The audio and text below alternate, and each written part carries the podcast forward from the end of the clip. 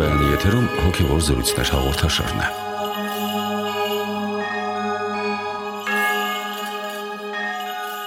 Ողջույն սիրելի ունկնդիրներ։ Դրախտում մեր նախածնողների մեղանջմամբ մահն ու հիվանդությունը մտան աշխարհ եւ ուղեկցում են մարդկությանը մինչ օրս։ Մենք փորձում ենք պայքարել հիվանդությունների դեմ, մեղմել դրանց հետևանքները եւ հոգեվոր կամ մամնավոր բալասան գտնել մեր ցավերին։ Հիվանդության հոգևոր կողմի մասին զրուցում ենք Տեր Մեսրոպ Քահանա Արամյանի հետ։ Օրնեցեք Տեր։ Աստված օրհնի։ Նախ առանձնացնենք մամնավոր եւ հոգևոր տկարությունը, կան մարդիկ, ովքեր մամնով տկար են, կարճատև կամ երկարատև ծանր հիվանդությամբ, բայց շատերը տկար են հոգով, կարելի է ասել հոգին մահամերձ է եւ այդ մարդիկ չգիտեն անգամ դրա մասին կամ հոգ չեն անում։ Իսկապես հիվանդությունները լինում են հոգևոր եւ լինում են մարմնավոր, բայց նաեւ լինում են երկուսը միաժամանակ։ Ինչ վերաբերում է հոգևոր հիվանդություններին, ապա պետք է ասել, որ դա հենց մեղքի ուղակի հետևանքն է։ Երբ մենք մեղք ենք գործում, մենք հոգեպես հիվանդանում ենք։ Եթե երկարատև մնում ենք մեղքի մեջ, այդ հիվանդությունը սկսում է քրոնիկ բնույթ ստանալ եւ լրջորեն վնասել մեր հոգին։ Իսկ եթե հարատևում ենք մեղքի մեջ, ապա մեր հոգին մեռնում է, որտեվ մեղքի հետևանքը ըստ Պողոս Արաքյալի մահն է։ Այնպես որ հոգևոր հիվանդությունները ուղղակիորեն առնչված են մեղքի հետ։ Երբ նախաստեղծները ընկան մեղքի մեջ, առաջին մեղքով մտան մեղքի աշխարհ, մարդկային բնությունը լրջորեն վնասվեց հոգևոր հիվանդություններով հիվանդանալու ունակ դարձավ եւ դրանից հետո հիվանդությունները այս կամ այն կերպով հոգևոր հիվանդությունները ուղեկցում են մարդուն եւ շատ կարեւոր է հասկանալ այդ երևույթը հասկանալ մեղքը ինքնին որպես հոգևոր լուրջ հիվանդություն գիտակցել դա եւ փնտրել բժշկության ճանապարհները, դարմանման ճանապարհները, որը կա հոգևոր ճանաչողության մեջ, հոգևոր գիտակցության մեջ, Սուրբ Գիրքը եւ եկեղեցու հայրերը խոսում են, ցույց են տալիս եւ սեփական փորձով նաեւ հայտնի են դարձնում, թե ինչպես պետք է մենք բժշկենք մեր հոգիները։ Եվ հոգևորը նաև ինքը բժշկության ճանապարհ է պատահական չի, որ մենք մեր աղոթքների մեջ ունենք բազմաթիվ բժշկության աղոթքներ, որոնք նախ եւ առաջ ուղղված են հոգեվոր բժշկությանը։ Կենտրոնանալով այն մտքի վրա, որ ամեն տեսակի հիվանդության ակունքը արմատը մեղքն է, կուզենայի հերքեինք այն միտքը, թե հիվանդության պատճառը Աստված է կամ Աստված փորձում է մեզ հիվանդությամբ, աղակող մի օրինակ կա մանկական քաղցկեղն շատերը դառնում ու մեղադրում են Աստծուն, թե ինչու է մարդկությանը պատժում, բայց մոռանում ենք, որ քաղցկեղային հիվանդությունների վերջին տասնամյակների բռնկումը մարդածին է. Ռադիացիա, միջուկային փորձարկումներ, քաղցկեղածին նյութեր սննդում, ծխախոտ եւ այլն։ Այո, հիվանդությունը կարող է ծառայեցվել մեր առաքինության դրսևորմանն ու հավատի զորացմանը, ինչպես եղավ հոբ երանելու պարագային օրինակ, բայց պատճառը մեր մեղքերն են ու ճարի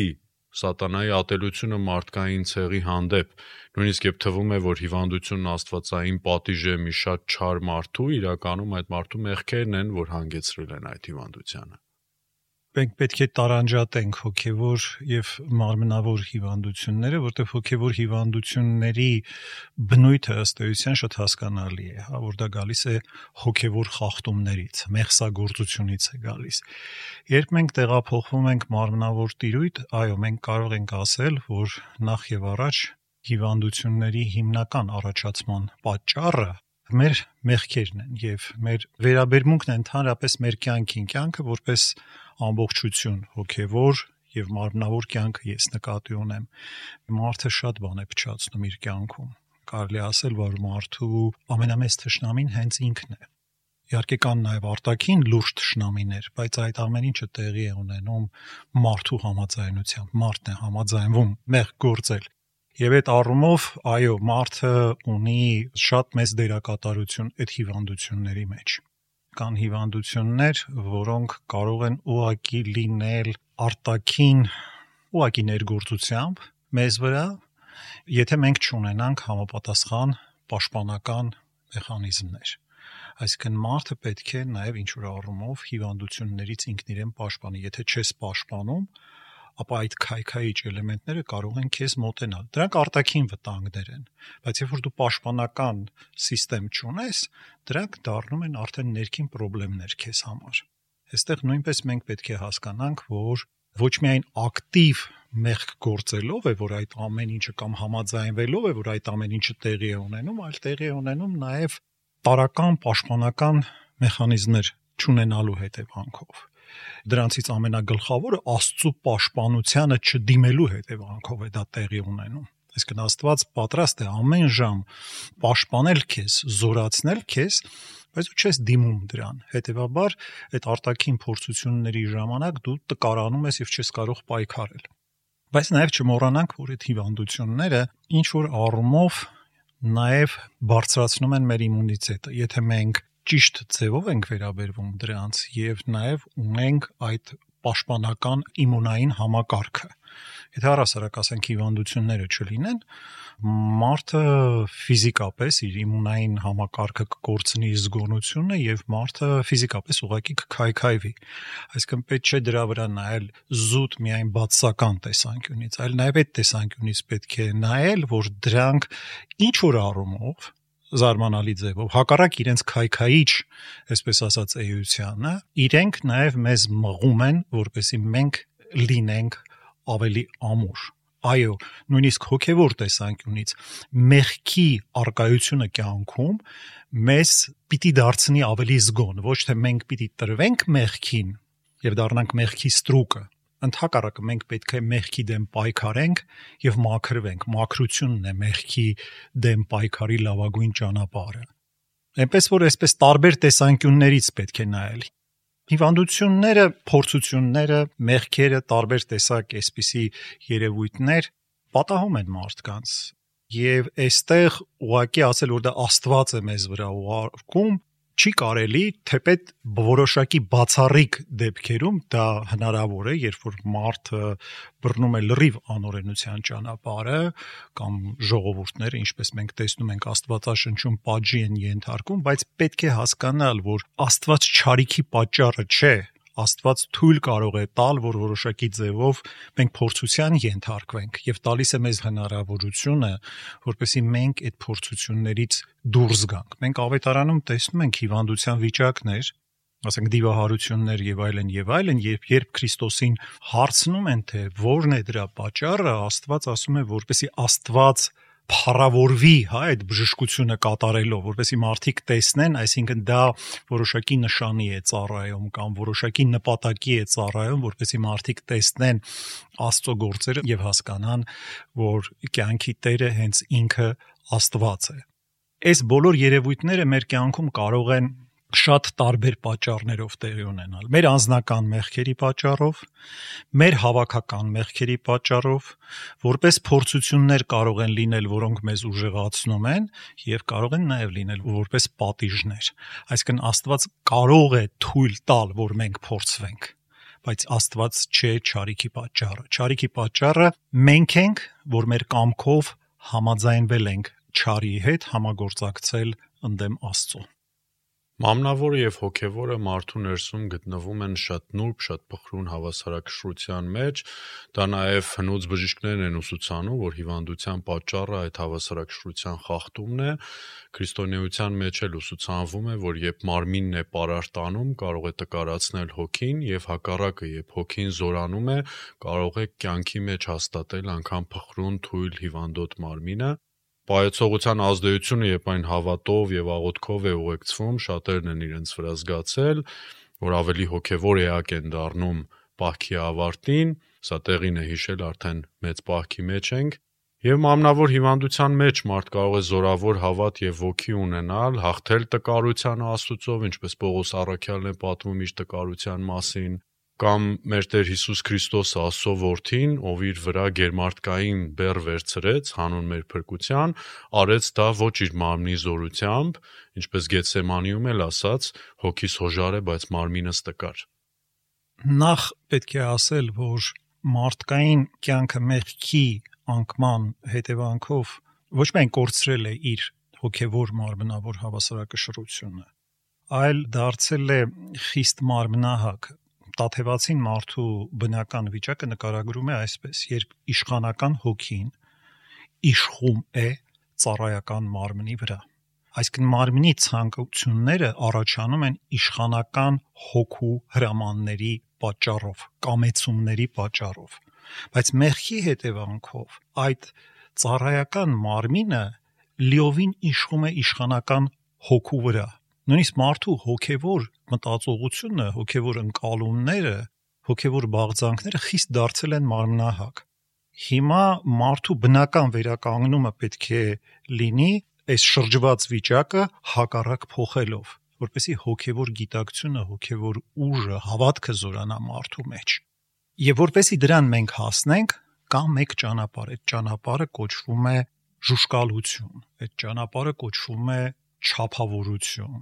այդ ճանապարհը կոչվում է պահեցողություն, եւ շատ կարեւոր է որ մարդը կարողանա վերահսկել սեփական ցանկությունները, սահմանափակել ինքն իրեն։ Եթե մարդը չգիտի ինքն իրեն սահմանափակել, այդ մարդը ընդհանրապես հեռու է հոգևոր գիտակցությունից եւ քրիստոնեությունից։ Կապ չունի քրիստոնեության հետ։ Քրիստոնյա լինել դա նշանակում է ճափավոր մարդ լինել ամեն ինչի մեջ։ Հենց պայեցողության շրջանը դա է մեզ ուսուցանում, որ մենք պիտի սանձենք մեր մարմնավոր ցանկությունները, լինի ուտելիքի մեջ, լինի խմելիքի մեջ, լինի մնացած բոլոր բաների մեջ, որոնք որ մեզ հաճույք են պատճառում, Ես չեմ ասում, որ հաճույքը ընդհանրապես բացասական բան է, բայց նայած այդ հաճույքը մեզ ուր է տան դեպի հոգևոր ուրախություն, թե հոգևորի մոռացում։ Եթե մենք չափից ավելի ենք տրվում այդ հաճույքին, մենք դառնում ենք հաճոյամոլ։ Դա կարելի է ասել, որ մարդկային բնության հիմնական խնդիրներից մեկն է եւ ժամանակակից աշխարհի, որովհետեւ ժամանակակից աշխարհը իր ամբողջ այս գովազդներով, այսպես ասած, ուսուցումներով եւ ուղղորդումներով մարդուն տանում է դեպի հաճոյամոլություն։ Մարդկային կարելի ասել կյանքի իդեալը դարձել է հաճույք որսալը տարբեր ձևերով։ Եվ պետք է ասել, որ դա լիովին քայքայում է մարդուն։ Չափազանց մնալը հաճույքների մեջ դա ուղղակի կործանում է մարդու համար։ Մարդը կորցնում է զգոնությունը եւ ըստ էության դառնում է խաղալիք ընդդիմադիր ուժերի ձեռքին։ Ուրեմն պետք է պայքարել դրա դեմ։ Պետք է սանձել քո անսանձ բնությունը քո բնությունը, քո մարմնի ցանկությունները պետք է ենթարկվեն իշխանական հոգուն։ Այդ ժամանակ ես դու դառնում իսկապես մարդ, որի մեջ շողում է այդ Աստծո պատկերն ու նմանությունը եւ ոչ թե որի մեջ մթագնված է այդ Աստծո պատկերն ու նմանությունը։ Ուրեմն պահեցողությունը, ինքնա սահմանափակումը, ինքնատիրապետումը դրանք շատ կարևոր բաներ են հոգևոր կյանքում եւ պետք է ասել որ դրանք ունեն բուժիչ հատկություններ այո ոչ միայն հոգևոր շատ հիվանդություններ այլ նաեւ մարմնավոր շատ հիվանդություններ բուժվում են պահեցողությամբ շատ բաների հետևանքը այդ հաճույքներին չափազանց տրվելն է ուտելուն չափազանց տրվելն է կարող ենք բազմաթիվ օրինակներ բերել բազմաթիվ օրինակներ որ դա կարող է հանգեցնել ուղեղի կաթվածների, սրտի ինֆարկտների, հազար ու մի բաների։ Ուղղակի լրջորեն վնասում է մարդու այսպես ասած բնությունը։ Մարդիկ միգուցե ոչ պակաս քանակով մեռնում են ոչ թե սոված մնալուց, այլ շատ ուտելուց։ Եվ այստեղ պետք է մարդիկ իրենց համար որոշումներ կայացնեն եւ կարողանան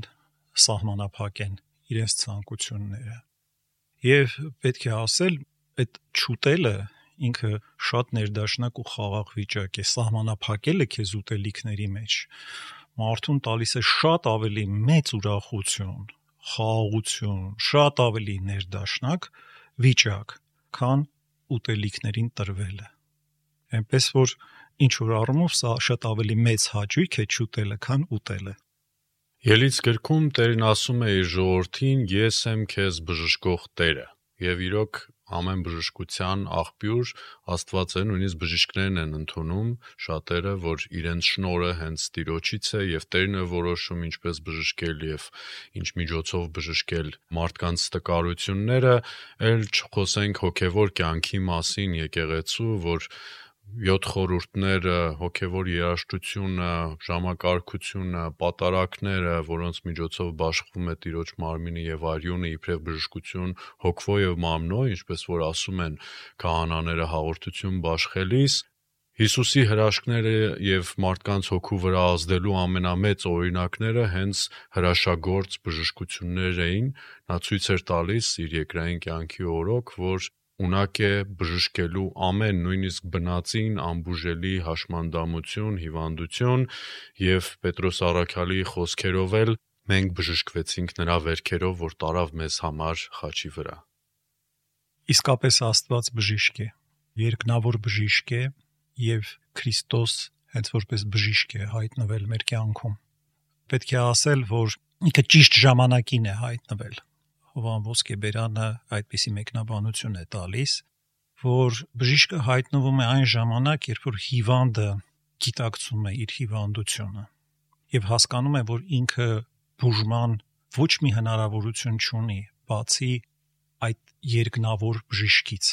որը պիտի գա եւ իր հիվանդությունը բժշկի։ Քրիստոս հենց եկավ այդ ժամանակ, երբ որ մարդկությունը այդ ծայրահեղ հիվանդ վիճակում էր գտնվում եւ դիմում էր Աստծուն այդ հիվանդությունը բժշկելու համար ոչ միայն հրեական միջավայրերում շատ տարբեր տեղերում մարդիկ սպասում էին փրկչին, որը պիտի գա եւ բժշկի իրենց հիվանդությունները ազատի մեղքից արևելքից մոգերը եկան շատ տարբեր տեղերում այդ սպասումները կար փրկչի սպասումը կար եւ Աստված բժիշկ է քրիստոնեությունը երբեք աշխարհում չէր տարածվի այդպիսի մեծ չափով որ մինչև հիմա աշխարհում մեծագույն կրոնն է, եթե քրիստոնեությունը չլիներ բժշկություն, հոգիների եւ մարմինների բժշկություն։ Հոգիների բժշկության պահը ակնհայտ է, որտեղ այդ քրիստոնեությունը տալիս է մեզ ազատագրման հնարավորություն, մեղքից ազատվելու հնարավորություն բայց նաև ինքը մարմնավոր բժշկությունը մենք բազմաթիվ օրինակներ ենք ավետարանում տեսնում որ Քրիստոս բժշկում է մարմնավոր հիվանդությունները, ոչ միայն հոգևոր, այսինքն դևերին հալածելով, այլ կույրին է բժշկում, անդամալույծին է բժշկում։ Եվ այդ զորությունը նա տվեց նաև առաքյալներին եւ առաքյալներից դա նաև փոխանցվեց եկեղեցուն եւ դարեդար այդ բժշկությունները եղել են քրիստոնեական եկեղեցում, ինչեւ այսօր զարմանալի բժշկություններ են տեղի ունենում։ Էնպես որ սա քրիստոնեության առանձնահատկությունն է, շատ կարևոր առանձնահատկություն է, որ Աստված բժիշկ է։ Մենք դա տեսնում ենք ավետարանում, մենք դա տեսնում ենք եկեղեցու հայրերի կյանքում եւ Քրիստոս ասում է, որ ես պետք է գնամ եւ եթե ես գնամ եւ Սուրբ Հոգին գա, դուք գործելու եք նույն գործերը եւ ինչ որ առումով ավելին եք գործելու այսինքն Քրիստոս հստակ ասում է, որ դա ծաղկելու է Քրիստոսի եկեղեցում։ Վերցնենք Նարեկացու Աղոթամատյանը, ինչ է այդ Աղոթամատյանը տարբեր ձևերով կարող ենք ասել, որ դա հոգևոր կյանքի այսպես ուղեցույց է ճանապարհի գիրք է, հա, որ միշտ դա քո ձեռքին լինի եւ աղոթես եւ բայց այդ աղոթքների մի զգալի մասը նվիրված է մեր հոգու բժշկությանը։ Դրա համար այդ Մատյանը նաեւ բժշկարան է, որ ժողովուրդը շատ սիրել է այդ գիրքը։ Միայն պատճառը այն չէ, որ այնտեղ գրված են շատ գեղեցիկ աղոթքներ, Պատճառներից մեկը այն է, որ այդ աղոթքները եղել են մարդկային կյանքի վերափոխման եւ բժշկության առիթ են եղել, խիստ գործնական կերպով օգնել են մարդուն։ Էնպես որ սա ակնհայտ ճշմարտություն է եւ նաեւ ֆիզիկական հիվանդությունների պարագային շատ բժիշկներ խոստովանում են, որ առանց հավատքի այդ հարցը չի լուծվում Օրինակ ասենք մարդը հիվանդ է եւ հավանականությունը, այսպես ասեմ, վատ վախճանի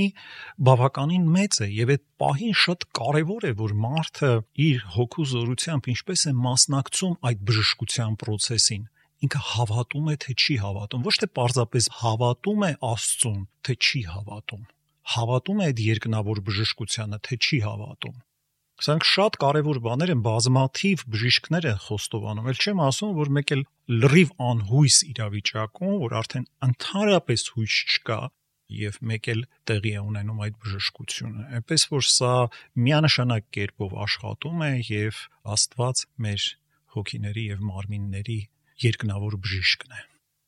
Արդեն ձեր խոսքում անդրադարձաք, որ հիվանդությունը կարող է սթափեցնող ազդեցություն թողնել մարդու վրա եւ դա տրվի Աստծո կողմից, թույլ տրվի, որպեսզի մարդը կարողանա անդրադառնալ իր կյանքին եւ որոշ սրբագրումներ կատարել։ Մարդը ցավի մեջ իրոք շատ բան է վերարժևորում, հույս է փնտրում ու նաեւ գտնում է Աստծո մեջ, անդրադառնում իր անցած կյանքին, կենսակերպին, շրջակա մարդկանց հետ հարաբերություններին եւ Աստված ցանկանում է լսել մեր օգնության խնդրանքը, որ հավատով դիմում ենք իրեն։ Սուտ հայրաբար լսելու իր զավակի կանչը։ Սաղմոսներում ասվում է աղակեցի քեզ եւ բժշկեցիր ինձ։ Բայց լինում է այնպես, որ հիվանդությունն անցնելուց հետո մարդը մտքերը բոլոր այդ թարմացնող նոր շունչը մի կողմ է թողնում եւ ոչ մի սրբագրում էլ չի կատարում իր կյանքում։ Իսկապես հիվանդությունները կարող են շրջադարձային լինել մարդու համար։ Երբեմն դրանք զգուշացումներ են մարդու։ Երբեմն նույնիսկ դրանք երկրորդ շանս են մարդու համար։ Գիտեք, այդ երկրորդ շանսը կյանքի, որ Աստված տալիս է մարդկանց, երբեմն շատ ավելի խորն է, քան առաջին շանսը, որտեղ առաջին շանսի ժամանակ դու չես գիտակցել։ Հա, երբ ծնվել ես, մի քանի ամսական երեխա ես եղել։ Բայց երկրորդ շանսի ժամանակ դու գիտակցություն ունես, դու կարող ես ինչ-որ բաներ տեսնել եւ հասկանալ։ Եվ այդ առումով դա նոր հնարավորություն է մարդու համար, եթե մարդը գիտակցում եւ հասկանում է կյանքի նպատակը, կյանքի հեղինակին, ինչպես պիտի ապրի իր կյանքը։ Երբեմն մարդկանց այդ երկրորդ շանսը տրվում է, բայց նույնիսկ երբ որ իրենք ինչ որ այսպես մտքի ծայրով էլ հասկանում են, որ դա երկրորդ շանս է, այդ կյանքը նորից չեն ծառայեցնում իր բուն նպատակին։ Եվ այդ մարդկանց վերջին օրը շատ ավելի վատ է լինում, քան առաջին օրը։ Մենք ունենք բազմաթիվ վատ սովորություններ մեր կյանքում, բազմաթիվ։ Մեղսահակ սովորություններ ունենք։ Ծուլություն, շատակերություն, արփեցողություն, հազար ու մի վատ սովորություններ ունենք։ Երբ որ մի բան է մեզ հետ պատահում, ասենք օրինակ պատահում է սրտի, ասենք ինչ որ մի դեպք մեզ հետ, հա, մենք տեսնում ենք, որ վերջո ոնց որ ասած մենք վերջավոր մարդիկ ենք այս աշխարհում։ Այո, հավիտենական կյանք ենք գնում, բայց մեր օրերը այս կյանքում հաշված են եւ մենք այդ ամեն ինչը իր նպատակին պիտի ծառայեցնենք։ Ինչի համար է մեր սրտի հետ այդ դեպքը պատահել։ Միգուցե այդ սիրտը մենք Աստծուն չէինք ծառայեցնում, չէ՞ որ այդ սրտերի Տերը Աստված է։ Աստված կարող է մի փոքրիկ կամ ուժգին սրտի հիվանդության ազդակով նորից բախել մեր սրտի հոգևոր դռները, որ այդ սիրտը ծառայեցրեք իր նպատակին, Այս ցիրտը նրա համար չէ, որ դուք տակ դա աշխարհիկ բաղձանքներին եւ հաճույքներին, այլ նրա համար է, որպեսի ձեր սրտում փառավորվի Աստված, որպեսի դուք ձեր սրտում Աստծուն ճշմարտապես երկրպագեք ինչպես Նարեկացին է ասում, եւ այնտեղից ձեր խոսքերը առաքեք Աստծուն որպես անուշահոտություն, մեր աղոթքները դրանք պիտի լինեն անուշահոտություն Աստծո առաջ, դա մեր բանավոր պատարակն է։ Ուրեմն դրանք ազդակներ են, զգուշացումներ են նաև, նաև հրավեր են մեզ,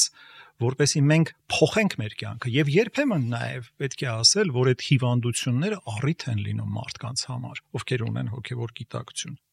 Մի անգամից վերջ դնելու բոլոր արատավոր սովորությունները Մինչ այդ իրենք հատ առ հատ պիտի անեին դա եւ երբեմն շատ դժվար է մարդը մինչեւ մի բանից ազատվում է, երբեմն տարիներ են տևում, հետո նորից վերադառնում է։ Բայց երբ որ հասկանում ես, որ այդ բաները այլևս քեզ չի կարելի, ասենք օրինակ ծխել չի կարելի, խմել չի կարելի կամ այլ բաներ քեզ չի կարելի, ուրեմն պիտի թողնես այդ ամեն ինչը։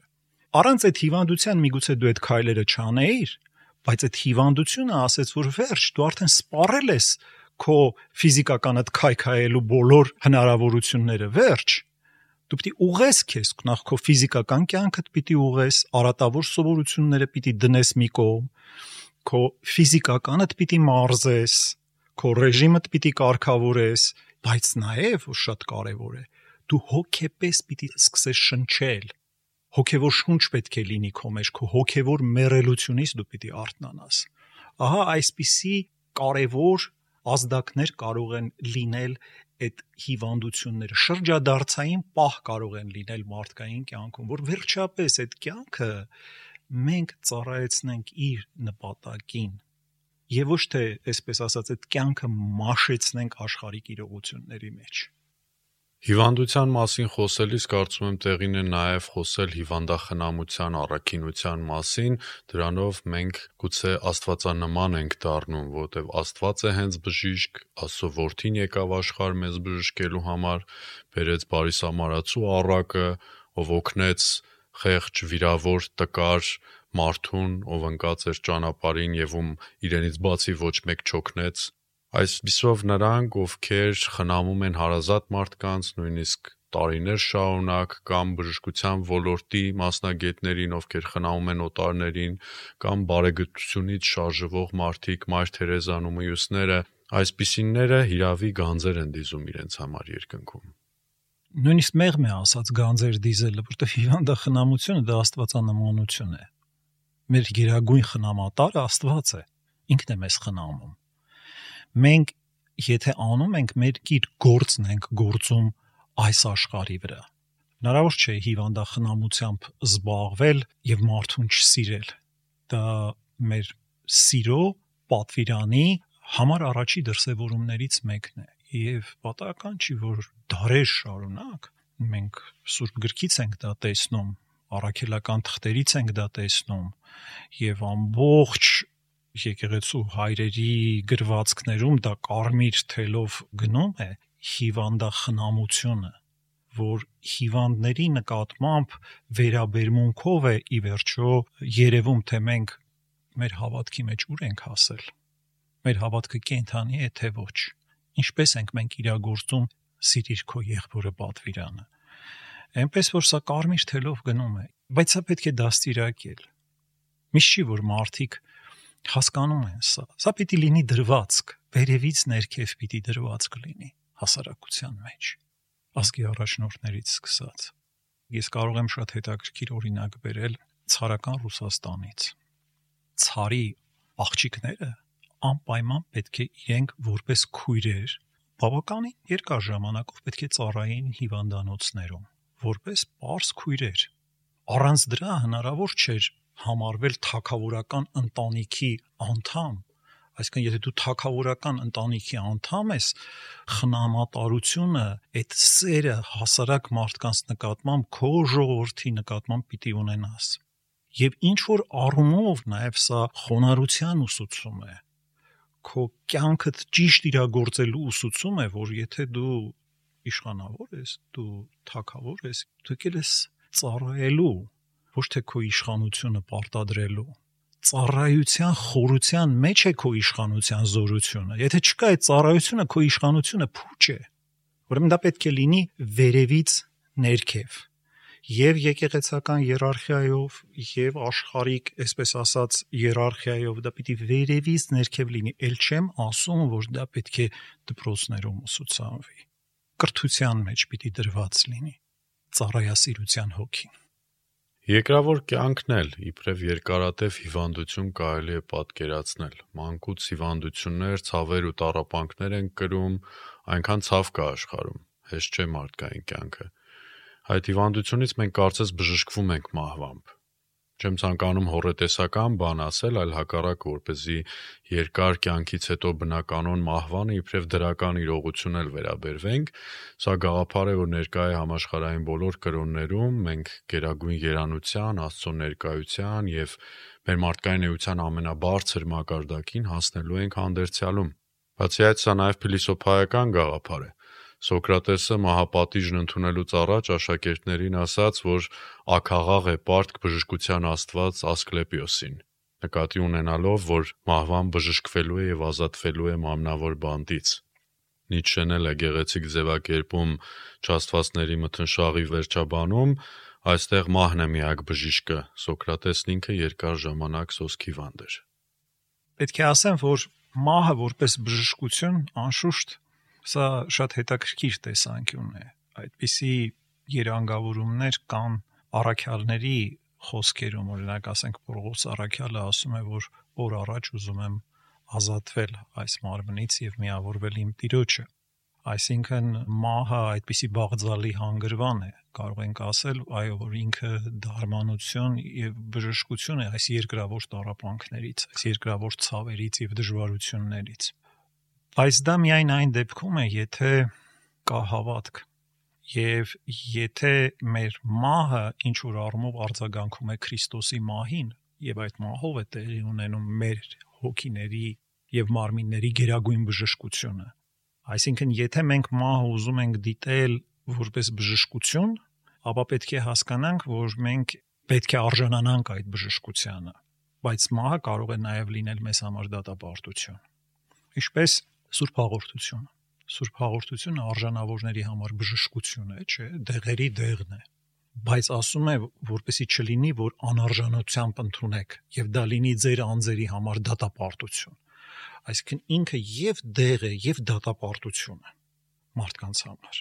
այսինքն այն մարդիկ որոնք իրենց կյանքը չեն նվիրում իր բուն նպատակին, չեն ծառայեցնում Աստծուն, իրենք մահվամբ կարող են դատապարտվել եւ ոչ թե բժշկվել ուրեմն երկու տարբեր այսպես անկալումներ կա. Այո ինքը կարող է լինել բժշկում թոթափում այսպես ասած այս երկրավոր հիվանդություններից, դժվարություններից եւ ծանրություններից, բայց նաեւ ինքը կարող է դառնալ հավիտենական դատապարտություն։ Դրա համար ես օրինակ չգիտեմ Սոկրատեսը ինչպես էր հասկանում դա ինձ համար խիստ կասկածելի է իր ըմբռնումները մահվան կամ Նիչեն ինչպես է հասկանում դա ել ավելի կասկածելի է Նիշեի ըմբռնումները ինձ համար Այնպես որ եթե զուտ քրիստոնեական տեսանկյունից ենք նայում, այո, քրիստոնյա մարդու համար, եթե ինքը իսկապես քրիստոնյա է, մահը օրհնություն է։ Եվ ոչ միայն իր համար։ Շատերը իրենց փորձից կարող են ասել, եւ իսկապես հավատքով մի մարդ է վախճանվում, օրհնություն է իջնում իր մահով ոչ միայն իր վրա, այլ նաև իր շրջապատի վրա։ Բայց երբ տեսնում ես, որ մեղավոր մեկն է վախճանվում, տեսնում ես ինչպիսի ընկճվածություն կա մարդկանց մեջ, ինչ-որ հուսահատություն կա մարդկանց մեջ, այդ հոգևոր մխիթարությունը եւ օրհնությունը չկա։ Ուրեմն եթե կյանքը իր նպատակին է ծառայում, այդ ձևակերպումը իսկապես ճիշտ է, բայց եթե կյանքը իր նպատակին չի ծառայում, այդ դերը որը պիտի լիներ մարդու բժշկությունը, ունի նաև դատապարտող հանգամանք։ Շնորհակալ եմ զրույցի համար Տերայր, այն գոտե պնդող վստահաբար ներգործություն կունենա ամենքիս վրա, որպեսզի դիմենք ամենքիս բժիշկ մեր երկնավոր հորը, ով կբժշկի մեր մամնի եւ հոգու բոլոր հիվանդությունները։ Մենք ձեզ հրաժեշտ ենք տալիս սիրելի ունկնդիրներ։ Մնացեք խաղաղությամբ։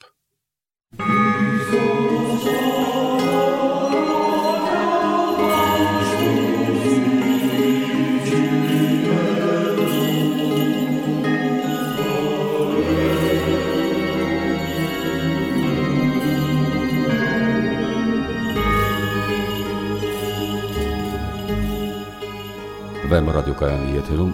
հոգևոր զրույցներ հաղորդաշարներ։